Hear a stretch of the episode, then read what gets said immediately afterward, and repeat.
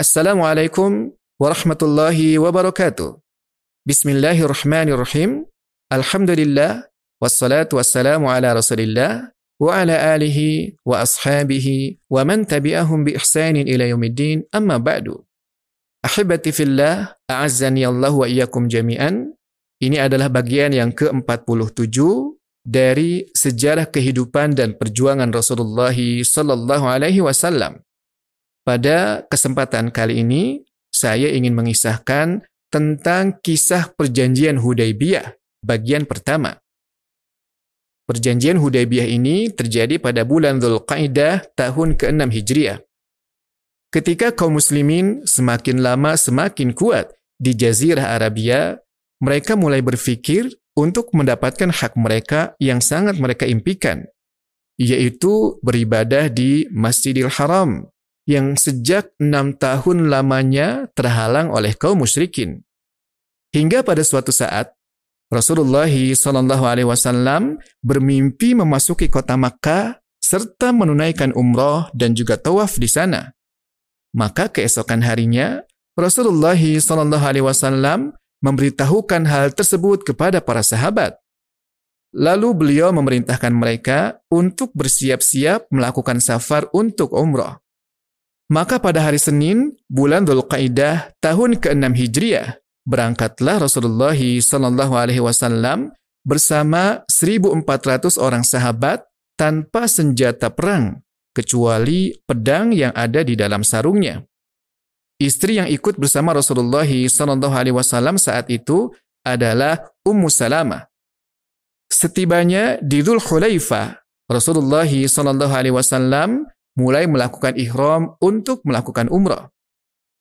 Zulhulaifah adalah mikot atau tempat memulai ihram bagi penduduk Madinah atau bagi mereka yang datang dari arah Madinah yang kemudian mereka ingin melakukan umrah ataupun haji.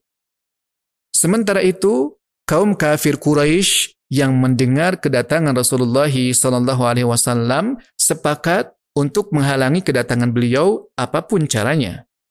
Mengetahui gelagat tersebut, Rasulullah sallallahu alaihi wasallam mengubah rute perjalanannya sampai akhirnya beliau singgah di sebuah tempat yang bernama Hudaybiyah.